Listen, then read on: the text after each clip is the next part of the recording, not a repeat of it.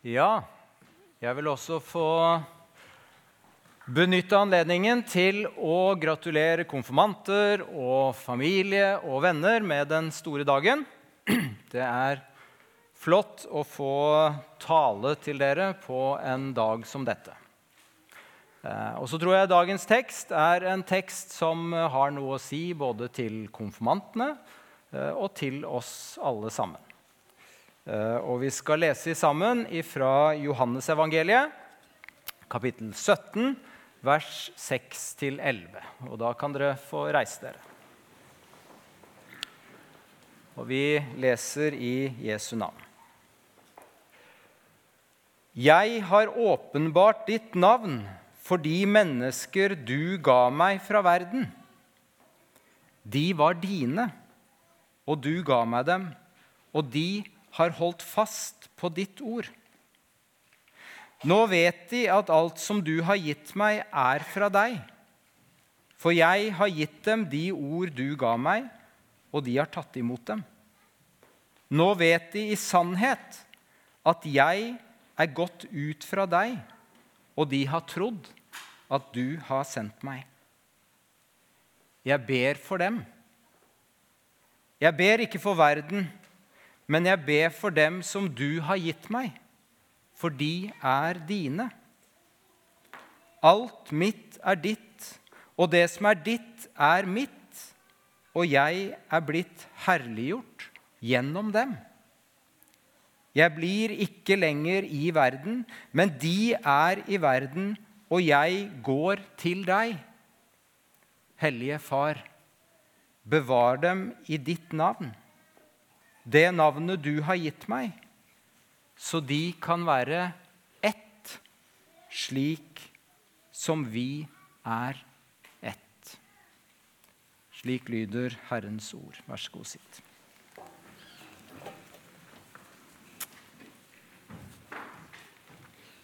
Det er Jesus, eh, Jesus siste kveld med gjengen. Det er ikke det er ikke pizza og chips og, og, Netflix. Han skal ikke på utveksling til USA eller på folkehøyskole til Sverige. Nei, i natt skal Jesus gripes, tas til fange og klynges opp på korset. Og Jesus visste hva som skal skje. Det gjentar Johannes mange ganger. Det er ingen overraskelser for Jesus. Han visste hva som skulle skje, men han valgte det likevel. Han visste at veien til lidelse, dom og død lå foran, men han valgte det likevel. Og I disse siste kapitlene i Johannesevangeliet så får vi være med når Jesus tar avskjed med de nærmeste vennene sine. Vi får høre hva som virkelig ligger ham på hjertet. Han underviser om det mest grunnleggende. At han er veien, sannheten og livet. Han gir dem løfte om at Gud skal ta seg av dem på en ny måte ved å sende sin ånd. Han forteller at de vil bli hatet og forfulgt i verden. Han forbereder dem på at snart skal de gråte og sørge, men sorgen skal bli vendt til glede. Og han understreker at han skal seire over verden og det onde. Men ikke minst så begynner altså Jesus å be. Og dette er jo det vi kaller for Jesu ypperste prestlige bønn. Der hvor Jesus ber for disiplene sine, og han ber for alle oss som skal bli hans etterfølgere til alle tider. Og så er det altså særlig to ting han ber om. For det første så ber Jesus om at vi må bli bevart hos han. Han ber om at vi ikke må falle fra. Han vet at det kommer til å være vanskelig å være en sann kristen i denne verden. Jesus visste at disiplene ikke var forberedt på det sjokket som skulle komme når han som var deres mester, blir tatt til fange, spikres til et kors og dør. Og han har forsøkt å forberede dem på at han skal dø. Men de har ikke egentlig forstått. De har egentlig ingen sjanse til å være forberedt når han som har vært alt for dem, plutselig blir borte, og de står hjelpeløse tilbake. De kommer til å kjenne på fortvilelse, håpløshet, ensomhet, hjelpeløshet, frykt. Det var jo han som var deres håp. Det var han som var deres trøst. Det var han som ga dem styrke. Herre, hvem skal vi gå til?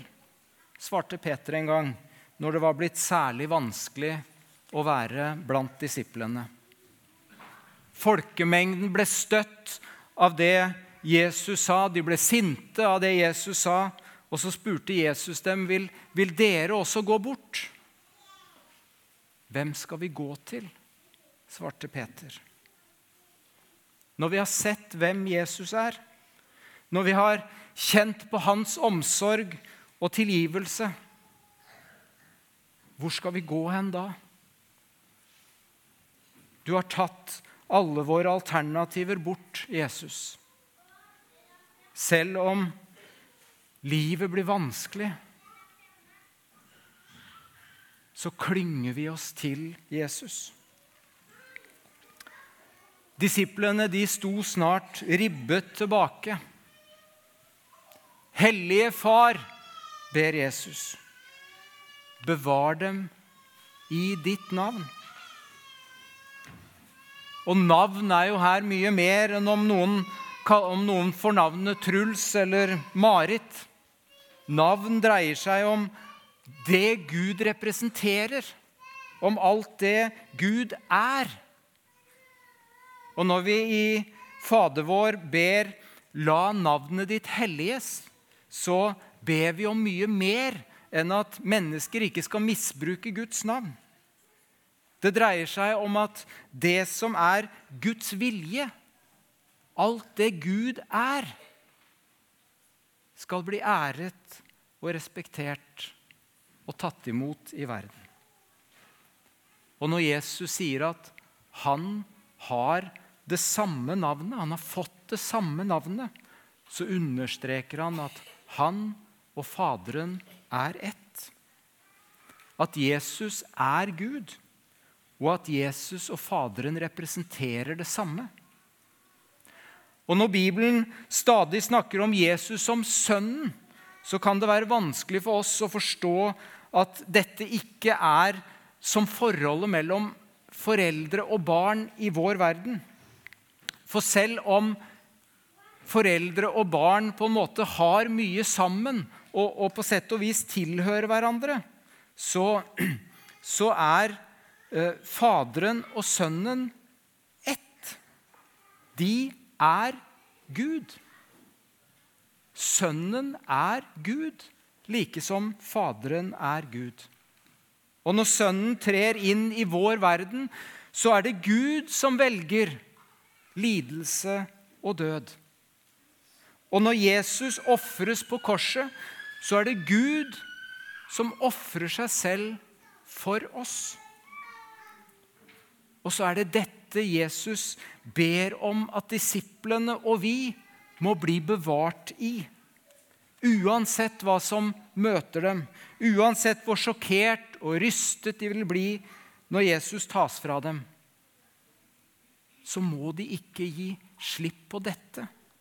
De må holde fast på dette. Bevar dem i ditt navn. Bevar dem i troen på deg. Bevar dem i troen på Gud, som ofrer seg selv for å vinne over all vår synd, synden i våre liv og ondskapen i vår verden. Dere som er konfirmanter, i dag er det en festdag for dere. Og vi gleder oss sammen med dere. Vi gleder oss over at vi kan få be for dere og sammen med dere. Og vi gleder oss over at dere på denne måten kan få bekrefte at dere vil være Guds barn.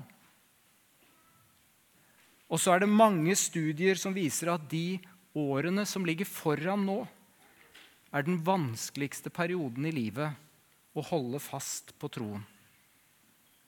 Den perioden der hvor ungdom, eller der hvor man er fra 15 til 25 år, er det veldig mange unge som mister troen. Det kommer til å skje så mye i livene deres. Nye skoler, nye omgivelser, nye venner, kanskje kjærester, russetid, kanskje studier i nye byer etter hvert. Og dere går inn i en fase av livet der hverdagene fylles med så mye annet. Jesus vet at livet sammen med han kan være vanskelig. Jesus vet at livet sammen med han er et annerledes liv. Livet sammen med Jesus innebærer av og til å måtte utfordre det flertallet tenker og tror.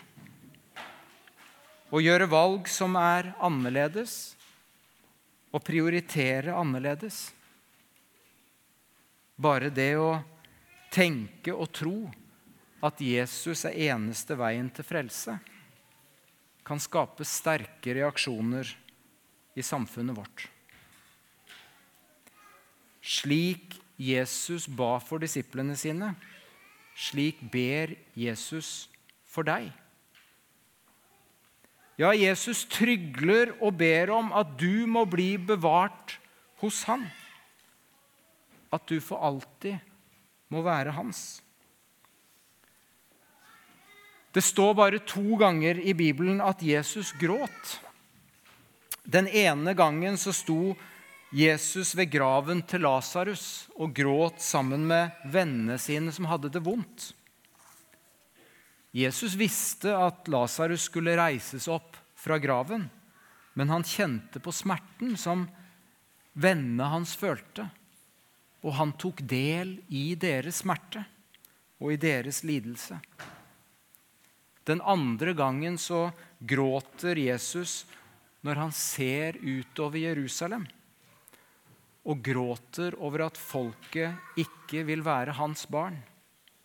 At de kommer til å vende han ryggen. Ja, Senere i, i, vår tekst, i vers 24, så er det nesten som om Jesus liksom roper ut Far, jeg vil at de skal være der hvor jeg er. De som har sett meg i, i jordelivet, i fornedrelsen, med mine menneskelige begrensninger, lidelse og død.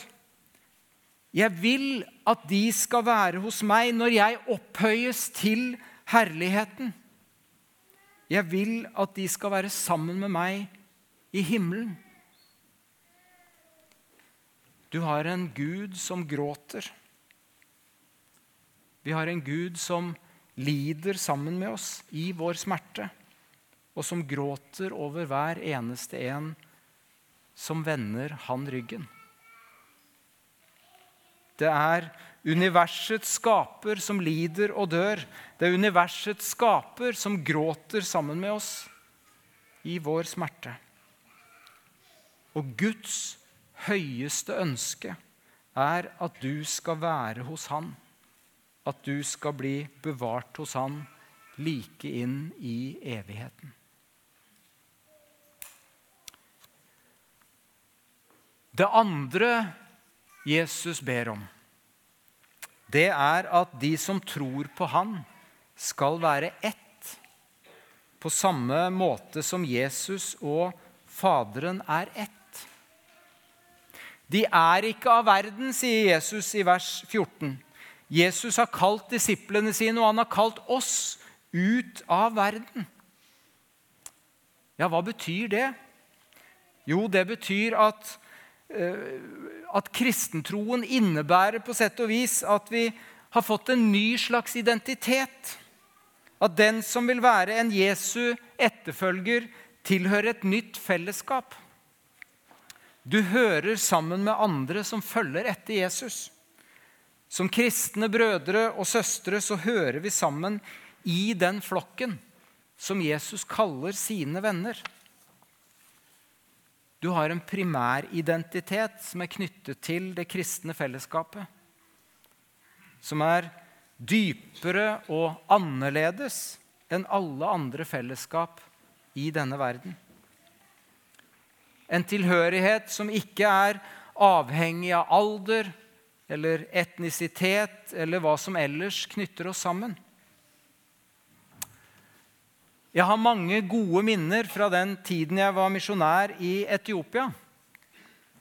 Men noe av det flotteste å tenke på, det er de mange gangene som jeg overnattet ute i en landsby. Um, og jeg unner dere alle å erfare hvordan det er å sitte ute etter at solen har gått ned. Når kvelden er sval, kveldstemperaturen er behagelig, når mørket senker seg og en fantastisk stjerneprakt fyller himmelen. Opplevelsen av å være et lite menneske i møte med Guds ufattelige storhet. Opplevelsen av å sitte der i mørket sammen med mennesker som har så totalt andre erfaringer enn meg. Som er vokst opp der ute sammen med en storfamilie og venner i en liten landsby. Som er vokst opp i, i hus bygd av greiner, kvister, leire. Som har tilbrakt de fleste netter i livet på en seng som er flettet av, av greiner, som har tilbrakt endeløse timer sammen med geitene ute i bushen, og som kanskje aldri har vært lenger fra denne landsbyen enn 10-20 mil. Opplevelsen av å sitte sammen med disse og stemme i lovsangen og be sammen og kjenne at dette er mine folk. Våre liv er totalt forskjellige, men likevel så har vi det viktigste sammen. Opplevelsen av at til tross for at rammene for livene våre har så veldig få berøringspunkter, så har jeg på et merkelig vis en langt større opplevelse av å høre sammen med disse enn med de som står ute i Tullins gate og venter på trikken. Og jeg opplevde det samme igjen rett før påske, når jeg var i, i, i Vest-Mongolia og var på gudstjeneste sammen med 20 kristne fra en muslimsk folkegruppe helt vest i Mongolia. I en liten ger, et lite telt som, som de bor i. Og med unntak av misjonærene så var alle de andre var tidligere muslimer. Og her kunne jeg ikke engang lese alfabetet og henge med på sangene i det lille sangheftet som var laget. Kunne bare prøve å nynne med.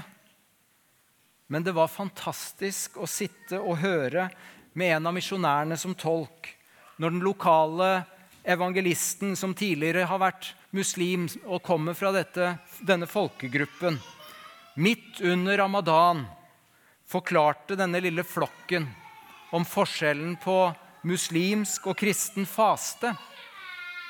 Og han forklarte at hvorvidt du spiser eller drikker, det betyr ingenting for Gud.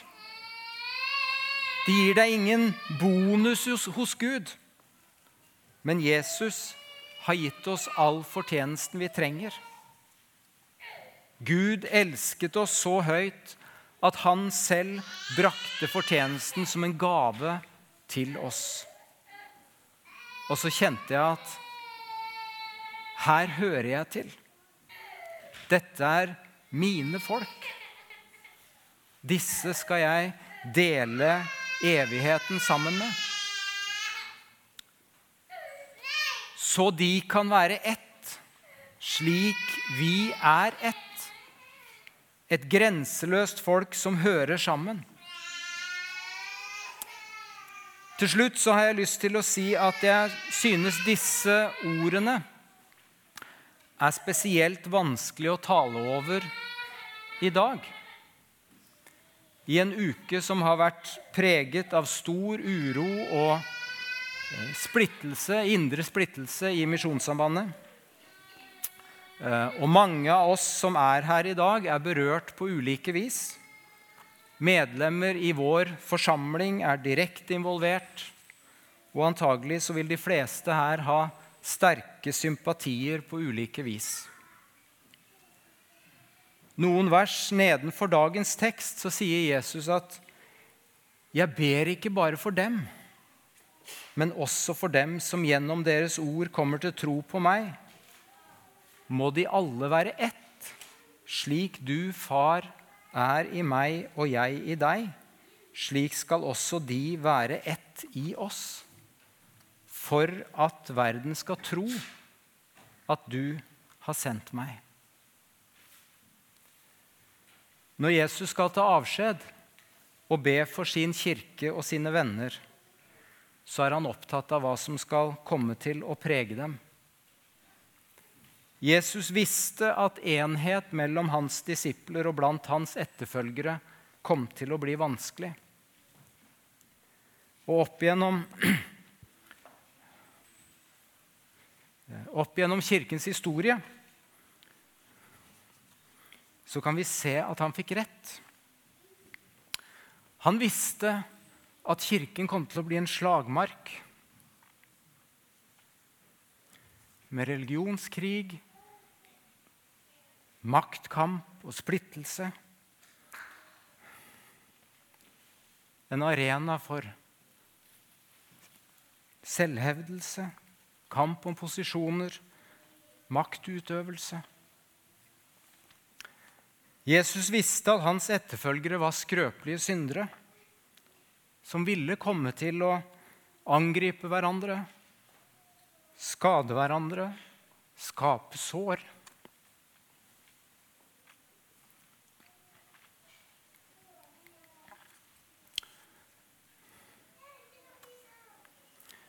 Kristen enhet er et vitnesbyrd for verden, sier Jesus. Kjærlighet mellom kristne skaper tro. Se hvor de elsker hverandre, ble det sagt om de første kristne. Det kristne fellesskapet var preget av omsorg og kjærlighet på en slik måte at andre ville være en del av det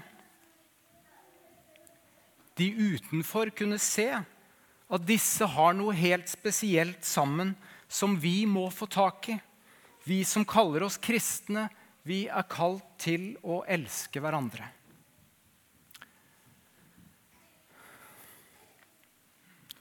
Og kanskje må hver enkelt en av oss ransake oss selv og spørre oss hvilken rolle vi har spilt for at Misjonssambandet denne gangen kunne bli en slagmark.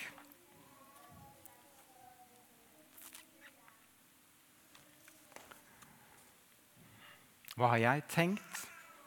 Hvilke kommentarer har jeg latt falle? Hvordan har jeg omtalt andre? Hva har jeg liket eller skrevet eller delt i sosiale medier? Har jeg vært en konfliktdriver eller en fredssøker? Og jeg tror vi alle er enige om at ingen i utgangspunktet har villet eller ønsket hverandre vondt. At alle har ønsket å gjøre rett og gjøre vårt beste. Og så kan vi alle bli fanget inn av konfliktens dynamikk med sinne, aggresjon, smerte og fortvilelse, med aksjon og reaksjon. Nå er det tid for å stoppe og tenke. Og kanskje er det tid for å vende lyskasteren mot oss selv. Kanskje er det tid for bønn, selverkjennelse og oppgjør tid for å sørge. I verden får vi ingen hjelp til å elske hverandre. Verken journalister, sosiale medier eller vår syndige natur gir oss hjelp til å elske hverandre. Men Jesus har kalt oss til det. Og så kan vi vite at han som ba for sine disipler, han vet hvordan det står til med oss. Han har omsorg for oss. Han gråter sammen med oss i vår elendighet og smerte og han ber fortsatt for oss. Gode Gud, takk for at vi kan få komme til deg med alle ting. Takk for at du har omsorg for oss. Takk for at du ber for oss, Herre. Så jeg har også lyst til å minne deg om disse konfirmantene våre i dag. Kjære, gode Gud, jeg ber om at du vil holde din hånd over dem, at du vil bevare dem gjennom livet og holde dem fast hos deg. Kjære gode Gud, se til din kirke over hele verden. Hjelp oss å elske hverandre, Herre. Så vil jeg be for Misjonssambandet i dag. Herre, du ser hovedstyret vårt. Gode Gud, vil du holde din hånd over dem? Vil du ta deg av dem, Herre? Gode Gud, du ser hovedkontoret og alle som arbeider der. Far, vær hos hver enkelt en.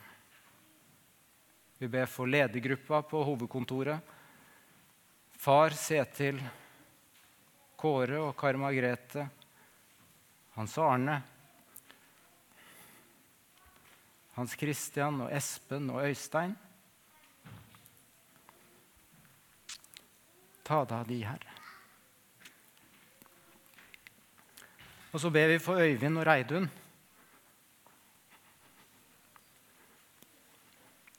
Hold din hånd over de, Herre.